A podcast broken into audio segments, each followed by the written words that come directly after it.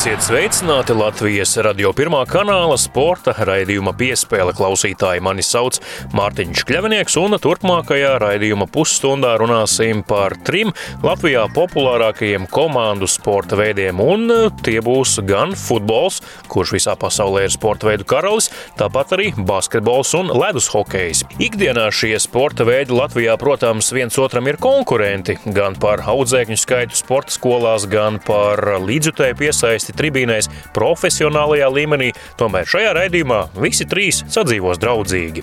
Vispirms dosimies ciemos uz Latvijas Futbola Federāciju, kur tiksimies ar organizācijas jauno vadītāju Vadimu Ļašenko. Runāsim jau par izdarītajiem un vēl darāmajiem darbiem. Savukārt raidījuma otrajā daļā ciemos būs tēvs un dēls. Proti viens no Latvijas labākajiem jaunatnes basketbola treneriem, kādreizējais sieviešu basketbola izlases vadītājs Ainārs Čukste un viņa dēls hokejists Kārlis Čukste, kurš jau pavisam drīz varētu spēlēt arī Nacionālajā hokeja līgā, jo viņam ir gan dotības, gan visas iespējas sasniegt pasaules hokeja meku. Tas viss jau pēc pavisam īsa brīža, tūliņ dosimies ciemos uz Latvijas Futbola Federāciju.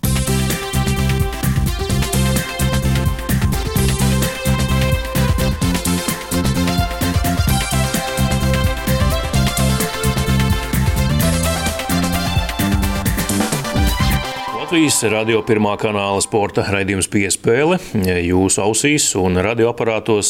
Studijā es Mārtiņš Kļavinieks un šobrīd esmu atbraucis ciemos uz Latvijas Futbola Federāciju. Ēka un birojas tas pats, bet jauna vadība jau kādu laiku kopš 3. jūlija Latvijas Futbola Federācijas prezidenta amatā ir Vadims Ļašenko, kur ievēlēja pārliecinoši. Tāpēc arī esmu atnācis ciemos, lai parunātu, vai Vadims ir jau iejuties federācijā prezidenta lomā un apzinājis darāmos darbus. Vispirms jau sveiki, Vadim! Jā, labdien!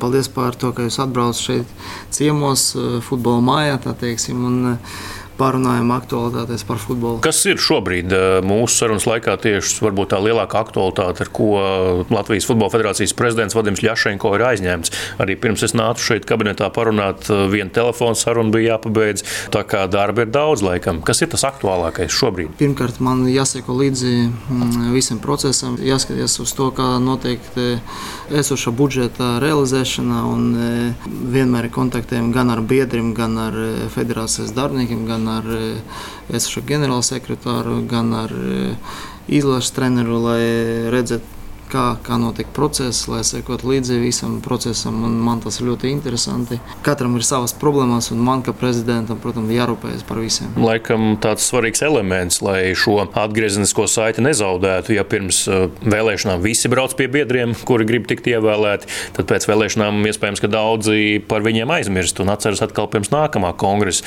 Tad Vanims Ļašenko ir tāds, kurš piekopīja tikšanos ar biedriem arī pēc tam, kad jau ir ievēlēts. Jā, tieši tā, un pateikšu, priekš manis bija ļoti svarīgi arī parādīt savu attieksmi biedriem pēc ievēlēšanas. Eh, jo Vadims Lešenko, viņš bija pirms vēlēšanas, viņš ir tas pats pēc vēlēšanām. Un to es gribētu parādīt visiem. Kad jūs uh, ievēlējāt amatā, pirmie komentāri medijiem jums bija tādi, ka nāksiet eh, nevis ar revolūciju, bet ar evolūciju.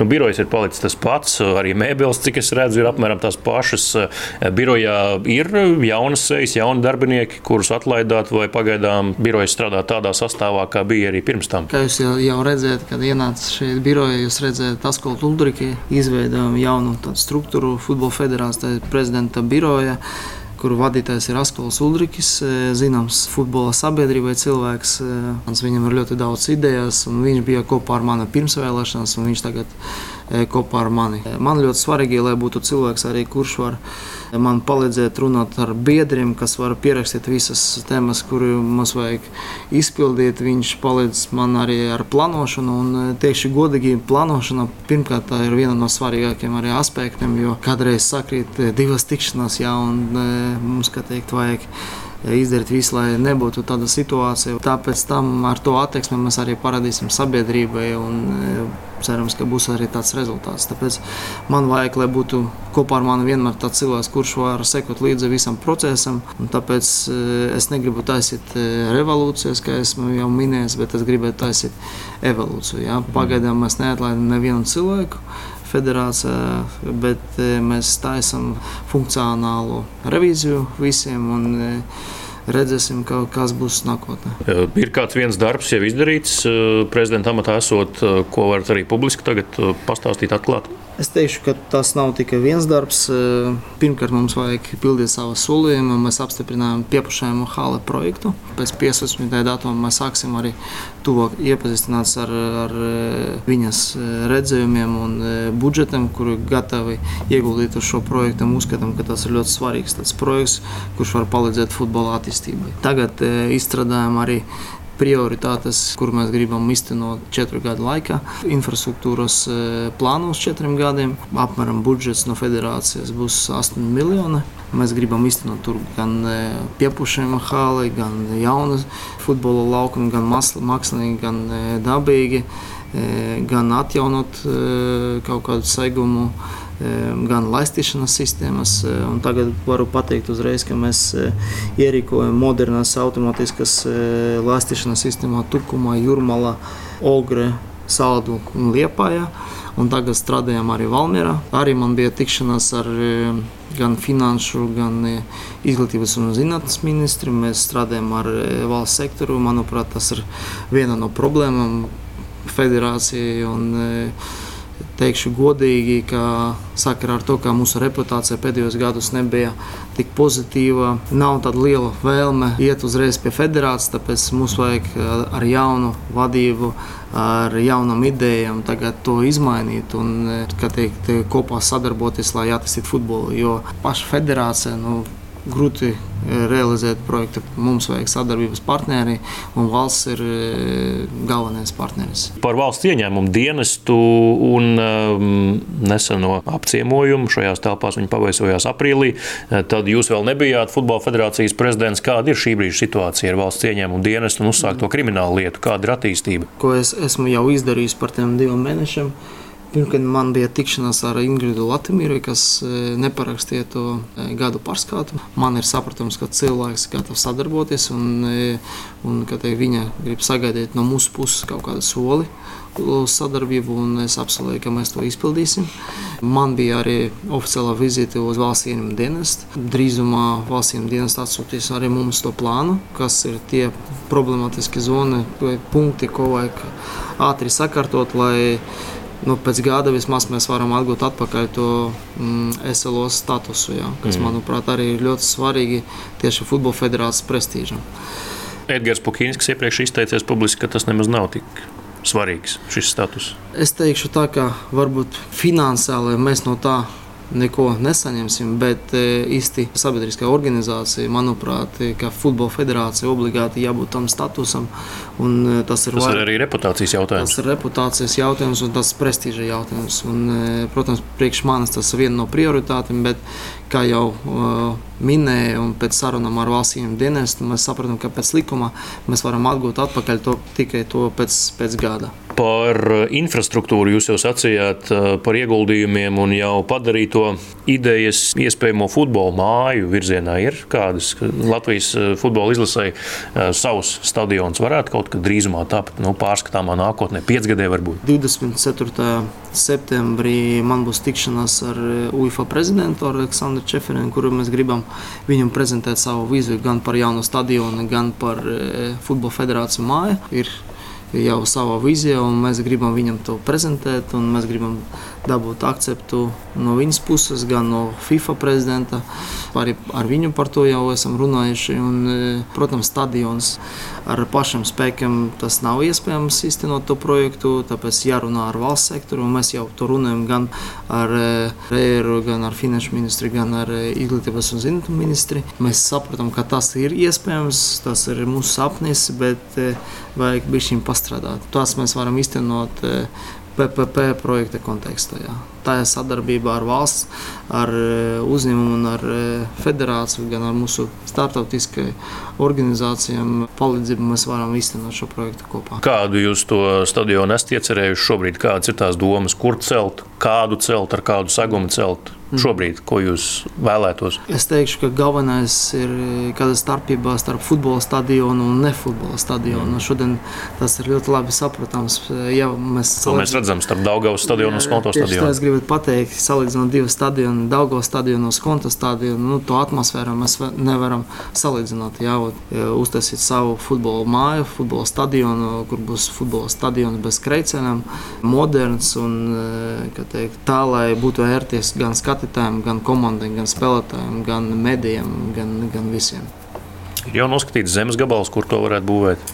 Ne, nu, tagad teikšu godīgi, ka mēs gaidījām Rīgas domas vēlēšanās. Nākotnes plāns ir satikties ar viņiem un e, parunāt par iespējamo vietu. Jā, tāpēc mums jāgaida un e, jācer, ka viss būs iespējams. Tikai vajag strādāt kopā tajā virzienā. Kas notiek ar uh, iepriekšējo futbola māju, nelaimīgo Baronielas stadionu? Tur tika iztērēts miljons. Pagājušajā vasarā Kaspars Gorčs vēl sacīja, ka jā, UEFA labprāt atgūtu šo miljonu un meklē ceļus, kā to izdarīt. Mm. Šobrīd pie jums ir vērsušies un meklē joprojām to naudu. Ko es zinu par to projektu, kad e, bija tiesa ar Arčeru. 8. oktobrī būs lēmums. Tad mēs varam redzēt e, rezultātu. Jā. Tiesa par mūsu sadarbību ar Arčeru runāja par to projektu uh, izterēšanu. Tur viena miljona. Mm. Uh, nu, pagaidām nav zināms, kas tur notiek. Un, uh, tas var būt mūsu nākotnes plāns. Par stadioniem mēs drusku parunājām par jaunceļamo stadionu, bet vai izlase varētu atgriezties tajā vienīgajā stadionā šobrīd Latvijā, kurā ir tā futbola atmosfēra konto stadionā iepriekš? Mm, Kaspars Gorkšs, Edgars Pukīnskis, arī Latvijas radio ir stāstījuši, ka nu, tas tomēr ir uh, naudas jautājums. Daugavā spēlēt ir daudz lētāk nekā konto stadionā. Esat domājuši varbūt atgriezties konto? Tas ir mans mērķis šobrīd. Tur jau ir izstrādāti kriteriji kas vajag izdarīt, lai pārietu uz to stadionu un lai dabūtu to akreditāciju no UFA. Un, e, liels paldies futbola kluba Rīga vadībai par to, ka viņi katru dienu strādā pie tā, lai, lai izpildītu visus tie kriteriji. Jau ir atļauts viņam spēlēt, e, nākamā kārta, e, spēlēt pret Celtiku uz konta stadiona tas jau ir solis uz priekšu, jo iepriekšējos eh, gados principā tas nebija atļauts. Mm. Mērķis tāds ir arī izlases kontekstā, un tur ir cita atmosfēra. Pozitīva atmosfēra, un mēs gribam spēlēt konta stadionu un izdarīsim visu iespējamo. Tāda lūk saruna Latvijas radio pirmā kanāla sporta raidījumā piespēlē Latvijas Futbola Federācijas prezidentu Vadimu Ļašenko. Paldies, Vadim, par uh, sarunu. Tad, uh, lai veicas darbos un gaidām izlasīt atpakaļ futbola stadionā. Jā, paldies liels un lai veicas gaidām jūs stadionos.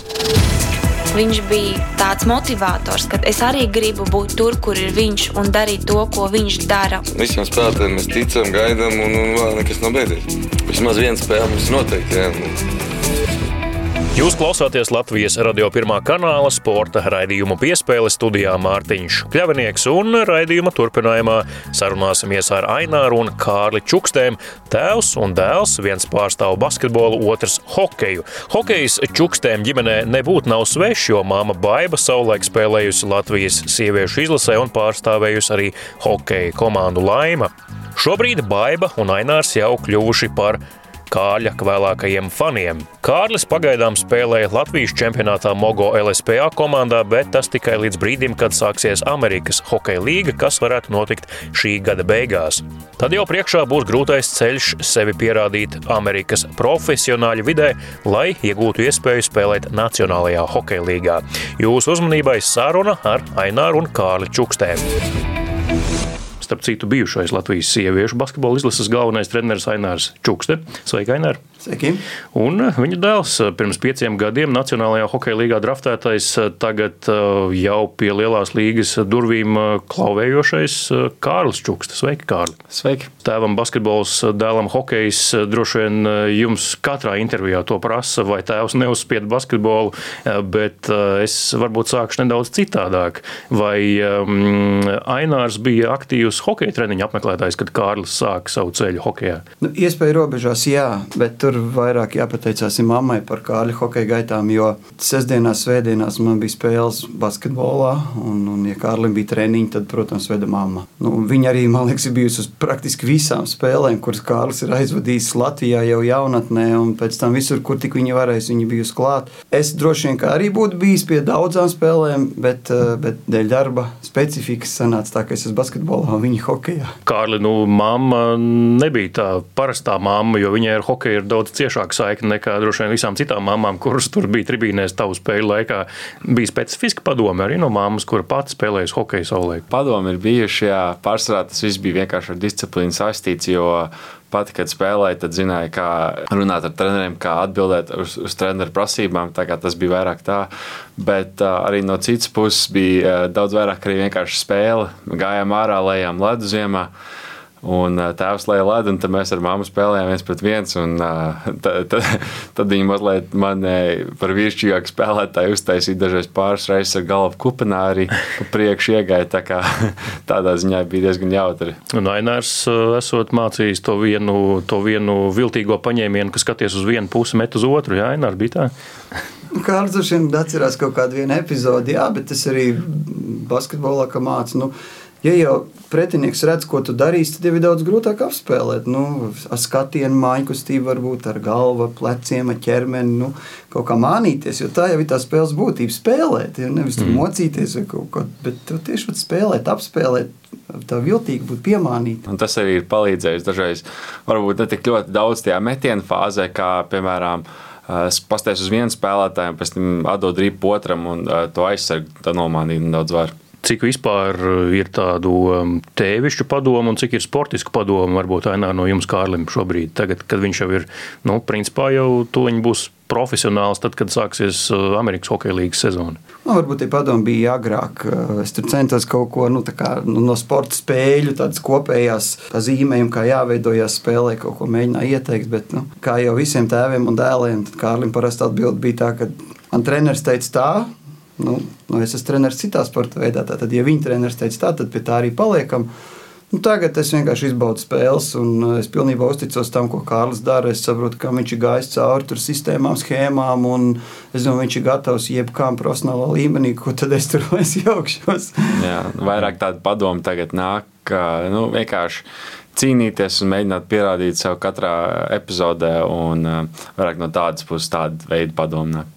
Tev tagad jau ir tie tēva padomi, nevis treneru padomi. Tagad ir tēvišķais vairākiem. Nu jā, tas jau arī daudz arī pašam skaidrs. Tagad ir visur, kur iešu, nu būs jāpierāda sevi. Jo, nu, ja tu nespēlēsi labi, tad nekas labs arī pēc tam nebūs. Skatoties arī eh, tevi laukumā, tagad Kārli arī Latvijas čempionātā un eh, vakar arī pašķirstīju dažas epizodes no universitātes spēlēm. Tev tas, es nezinu, kā to definēt, tas hokeista ķermenis, hokeista augums. Varbūt, ja tu ar šo ķermeni tiktu ielikts basketbola laukumā, tur eh, nemaz tāda panākuma nebūtu. Nu, tu esi kā jau no dabas būvēts hokejam. Var piekrist? Tieši tā, un es domāju, ka arī tāpēc, kad es biju mazāks, bija tāds ļoti agresīvs, un īstenībā varbūt tas arī man nedaudz palīdzējis hokeja.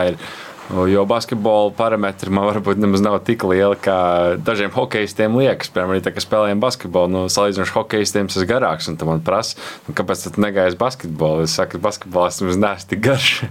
Metiens arī, ko es pamanīju, starp citu, arī tieši noskatoties tagad pēdējo spēli, kas bija pirms mūsu sarunas pret prizmu, metiens Ļoti, ļoti labs metiens. Tev ir nu, ilgi jau Latvijas hokeja, arī žurnālisti aprindās tiek meklēts tas nākamais čudīnos ar to tautā saukto pušku, jeb latviskojot tas ir lielgabals, bet tāds ļoti spējušs metiens no zilās līnijas, lai var arī trāpīt vārtos, ne tikai arī aizlidot līdz vārtiem. Tu varētu to saukt par savu priekšrocību tieši metienu. To varētu tā saukt, un, bet tur arī daudz jāpateicās ir vecākiem, kas, kad es biju jauns, man nolika, nolika dēli, uztaisīja vārtus, un, un, un tad es gāju ārā un mētāju katru dienu. Tas man bija vai nu es spēlēju basketbolu pagalmā, kur man bija grozs, vai nu es mētāju rips. Un tādā treniņa procesā arī, es domāju, man tas metiens stiprums arī ir, es esmu pilnveidojies. Ainār bija tā, ka visu to mājas vidi arī daļai pakārtojāt Kārlim, tur uzbūvējāt, ko vajag, sanaglojāt, kad vajadzēja kaut ko.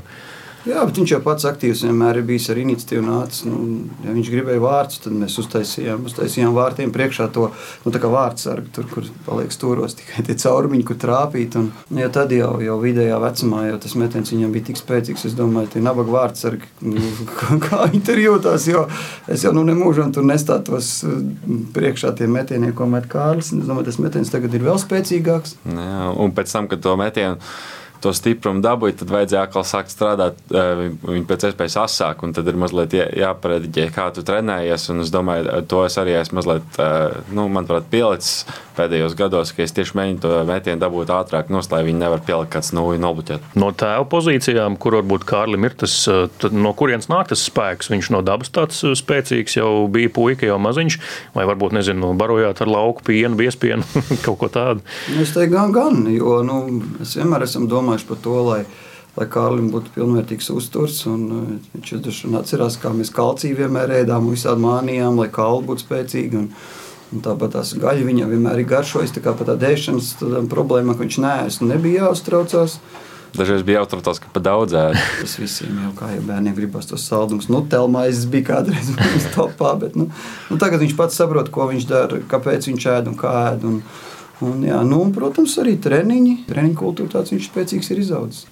Ir pašiem jums abiem tāda, nu, Kārlim par sevi, Aināram par Kārli, nu, tāda drošības sajūta, ka, ja nu kas notiek, tu, tu, tu nesenāk, tomēr tas profesionālais hokejs, arī kur ir ļoti labs dzīves drošības spilvens, izglītība ir kabatā. Nu, tas ir nu, fantastiski. Pirms gada vēl bija tāds tā drusku domas, ka Kārlim ir nācis piedāvājumi par spēlēšanu, jo tajā brīdī AHL un tad mācīs palikt pusratā. Nu, Nu, es to savu viedokli pateicām.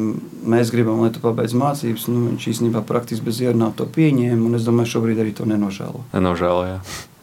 Bet uh, cik tā izšķiršanās bija liela, tu uz lapiņas uh, rakstīji plusus, mīnus. Kāds bija tas process, lai tu nonāktu līdz šim lēmumam? Uz lapiņas es nerakstīju, bet es sapratu, ka ja es spēlēšu labi, tad arī jāspēlē būs labi pēc gada. Un, ja, ja tā arī notiks, tad arī pēc gada man gribēs tajā komandā, un, un viss būs kārtībā. Un, un ap to laiku man būs arī gan bakalaura grāds, gan arī jau drīz maģistra būšu pabeidzis. Droši vien, ka nākamā vasarā tad, tomēr tā drošības sajūta dzīvē ir, un tad var vienkārši tiekties pēc hokeja mērķiem, un viss būs kārtībā. Kārli pastāstīja, Kvinipekas universitāte, Kvinipeka ir upe, es tā sapratu no Wikipēdijas. Ja? Kvinipeks upi, vai es nezinu, vai to par upi var nosaukt. Tas varbūt ir kanāls vairāk tāds, ļoti maziņš tāds. Bet, uh, Jā. Bet pilsēta, kurā tu uzturējies šos četrus gadus? Pilsēta sauc Hemda. Viņa ļoti maziņa tāda pilsētiņa, Connecticut štatā, netālu no Jēlas universitātes, kas mums arī bija dzīvākie konkurenti. Kvinipjākas tā universitāte ir arī sastāda to visu pilsētu, es domāju. Kāpēc mm. tur ir tie cilvēki? Tieši tajā pilsētā nav ļoti daudz ko darīt. Mēs vairāk uzturējāmies kopā viens ar otru, ar komandas biedriem, varbūt kaut kur izgājām ārā. Varbūt aizbraucām uz New Haven, kur ir tāda mazliet lielāka pilsēta, kur iela spēlē. Nu, ja aizbrauc uz sīvāko konkurentu pilsētu, tas nav kā, nezinu, aizbrauc, piemēram, liepainieks uz Bausku, un tad jālūdzās, lai viss kārtībā aizbraukt mājās. Nu, da, dažreiz tur sanāca tā, ja mēs vienu otru komandu satiekam, tad tur varbūt kaut kas tur ir viens otru tur dažus vārdus parmi, bet tādā ziņā nekas tāds nebija noticis. Ne? Kā tēvs redz, Kārlis ir amerikanizējies šo gadu laikā? Noteikti kaut kas ir. Un es pat teiktu, ir tādas lietas, kas man patīk no Amerikas. Man ne viss patīk. Es uzreiz pasaku, ka Amerika noteikti nav mana favorīta zeme. Kārlis ir pieskaņojies tajā vidē, viņš ir arī sapratis varbūt tās savas karjeras iespējas un kā viss tur notiek, un viņš ir iedzīvojies. Tāpēc arī domāju, ka šobrīd viņam tas AHL variants ir ļoti labs, jo nu, viņš ir tieši tur audzis, viņš tajā vidē šobrīd ir pielāgots un ir jāmēģina realizēt tos savus sapņus, būt tuvāk NHL. Ja tas izdosies, būs super. Mēs ļoti ceram, nu, ja arī gadījumā neizdodas, viņš būs mēģinājis, un es domāju, spēlēt kaut kur Eiropā varēs, varēs vienmēr. Un tad jau pēdējā gadā koledžā, tad jau es vispār runāju, man jau teica, ka es runāju bez akcentu, un es runāju tā kā amerikānis. Varbūt nu, tādā ziņā man arī bija vieglāk, jo, jo, jo labāk valodu zināju, jo bija arī vieglāk. Cik bieži vecāki brauc uz Ameriku skatīties spēles? Divas reizes bijām pagājušajā gadā uz, uz pēdējām spēlēm, bet tad, tad jau bija tāda spēle, kurā viņi uzvarēja konferenci, un tas bija tādām emocijām, un viss bija forši. Un šogad braucām arī uz pēdējām spēlēm, jo uz izlaidumu tā kā taisa nevarētu braukt, jo tajā laikā bija plānota fināla. Protams, dēļ Covid nenotika nekas. Mm -hmm. Ne tur kā Arlim turnīrs turpinājās, nevienam nekas, bet jā, mēs vēl paspējām. Mēs paspējām būt Amerikā, Ņujorkā, Martā. Mēs atbraucām mājās pašā sākumā. Pašā pēdējā brīdī, pirms pandēmijas. Pēdējā brīdī, un tad sākās viss.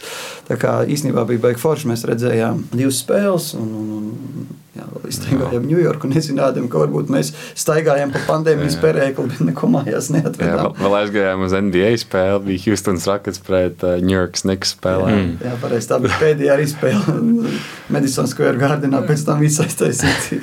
Ko vecāki redzēja pirmajās spēlēs, nu, tagad uh, aizbīja daži mači Latvijas čempionātā. Nu, pēc statistikas kārtas ir uzbrucējs, nevis aizsargs pēc punktiem. Jā, Kārlis varbūt tā kā Latvijā ieslēdz savu Latvijas hokeju, jo, jo arī tad, kad viņš spēlēja jaunatnē, viņš bija diezgan rezultatīvs, lai arī spēlēja aizsardzībā. Amerikā Kārlim bija citi uzdevumi, varbūt viņš pats var vairāk pastāstīt, bet jā, es arī to redzēju. Viņš pat nepieslēdzās uzbrukumam, bet tas saucamais tāds, nu, kā varbūt tas stay at home, nu, kas nodrošina aizsardzību. Te es atkal redzu, ka viņš vairāk iet uz priekšu. Man jau šī tās hokejs vairāk patīk. Es jau bišķi kļūst par, par, par līdzjutēju, nevis par treneru. Mm. Nu, tādā hokeja ir ko redzēt. Nu, Galu galā vairāk vārtu, vairāk emociju, vairāk prieka. Jā, bet es arī saprotu to ja koledžās un arī basketbolā visur ir nenormāla disciplīna. Varbūt es pat teiktu pārspīlēta, un tur tas spēles skaistums drusciņi pazūd tajā. Es teiktu, pat drusku pārspīlētajā disciplīnā. Katram savu uzdevumu, nesoli tur nostam. Hokejs līdz ar to maz rezultatīvāks, ar lielāku atbildību un tāds, bet skatītājiem netika interesanti. Amerikā tev jau uzreiz pateica, ka tu tā spēlēsi, vai tas attīstījās gadu gaitā? Tas īstenībā attīstījās gadu gaitā, jo, kas ir koledžā interesanti, pirmajā gadā spēlētāji, kas ienāk iekšā, varbūt, ja tu neesi pārliecinoši labāks par kādu vecāko, tu droši vien, kad spēlēsi. Nu, tev jābūt ir kaut kam, ar ko tu sevi pārliec pāri kādam citam. Un, Un man tādā uzbrukuma ziņā tur bija aizsargi jau tādi, un es biju jaunāks, un man vajadzēja iemācīties vienkārši spēlēt aizsardzībā tā, lai man, kad izlaižu laukumā, tad ir drošība, ka es neielaidīšu kā jaunais, un, un, un kopš tiem gadiem arī aizsardzības tā tehnika un, un tas cīņas parādījās, un arī to visu man iemācīja. Par to man īstenībā liels arī prieks, jo es domāju, ka tas man arī palīdzēs profesionālā līmenī. Ir sapratuši, varbūt gan vecāki, gan tie paši bērni. Bērnos ir audzināts, ka izglītība ir vērtība, nevis uh, tiekties pēc sapņa. Es domāju, arī tā izglītības nozīme šobrīd tiek novērtēta. Bet vēl jau viena lieta, kas arī Amerikā nāk līdzi, tas ir finansiālais teiksim, aspekts. Mums nāca informatīvie rēķini par to, cik mums būtu jāmaksā par kāļu mācībām Ja tas būtu jāmaksā mums pašiem, nu tas bija, bija 68,000 dolāri par vienu mācību, mācību gadu. gadu. Tad pareizinām mm. četri, un mēs saprotam, mēs to nevaram nenopelnīt nekā, nekādā variantā. Un ja viņš to pats sasniedz pats ar savu hokeju spēli, tad jau tas viss ieguldītais darbs, jo šī ir at, atmaksājies. Viņš jau ir pat ciparos nav izsakāms, kā viņš ir atmaksājies. Kā tas uh, bakalaura izlaidums īsti tev izskatījās? Pastāst. nu, bakalaura izlaidums man bija uh, caur Zoom kaut mm. kā. Tad viss cepurīts metā tā gaisā zumā. Ja? Nē, nu, tas man bija piecos no rīta. Es droši vien gulēju, kamēr, kamēr izlaidos. es ne, ne, ne, nemēģināju celties un meklēt to linku, kur mm. jāiet iekšā. Man tā pati tā, tas pats notikums varbūt nav tik svarīgs kā vienkārši tas, ko es tajos izdarīju, tajos trīs, nu, trīs ap pus gados, kad es pabeidzu to bakalauru. Kārlis Čukste un Ainārs Čukste, tā dēls un tēvs šodien sarunā ar Latvijas radio sporta raidījumu piespēlē. Kārlis hokejists, Ainārs basketbola treneris. Man attāvs atmiņā Kārļa frāze, ko viņš teica kādā no intervijām, ka viņš tīri labi spēlē basketbolu. Ainār, jūs kā profesionāls basketbola treneris, cik labi viņš spēlē basketbolu? Pietiekoši. Varbūt tur tīri par tehniskām lietām kaut kādas sīkuma, kaut kāda nostaigā tur varētu kaut kur izlikt ārā, bet uh, arī priekšstats varbūt cīnīšanās pēc būmas, varbūt pa to vietu. Viņš ar kādu var pagrūst bišķiņu vairāk nekā basketbolā atļauts, jo nu, viņš ir pieredzējis vairāk pie spēka spēles, bet uh, es viņu savā komandā ņemtu tā cilvēks, kas tik daudz atlicošos bumbas atnes komandai ar savu cīņu, ir, ir noderīgs jebkuram. Kārlis tāds piemērotāks tādam streetbolam, tādam getiņam. Ja? Mierīgi. un uh, Kārli, tēvam uz slidām kā iet? Viltīgs kā basketbolā arī. Cik es esmu redzējis, mēs jau, protams, uz slidām neesam redzējuši kādu labu laiku. Pēdējo reizi, droši vien, tā, kad mēs ledu uzlaiši bijām. Bet, nu, protams, viņš kaut kādas viltības izmanto bortiņus un, un redz laukumu. Tā kā viss jau no sporta uz sporta varbūt nav, nav tik atšķirīgs, kā varbūt cilvēkiem liekas. Mēs jau daudz zinājām, Kārli, to tavu mm, spēku, kas tev sēž iekšā. Nu, lai šis spēks gan fiziskais, gan arī mm, psiholoģiskais tev palīdz ceļā uz Nacionālo hokeja līgu. Cerams, ka izdosies tev tur arī pavisam drīz debitēt. Sekosim līdzi tavām gaitām. Paldies arī Aināram par ieguldījumu Latvijas jauno basketbolistu attīstībā. Un tad jau tiekamies varbūt kādā citā sarunā. Paldies, kungi! Vislabāk! Paldies! Līdz ar to izskan šīs nedēļas sporta raidījums piespēle. To veidoja un vadīja Mārtiņš Kļavanieks. Par labskaņu, kā vienmēr, parūpējās Nora Mītspapa. Uz sadzirdēšanos jau nākamnedēļ!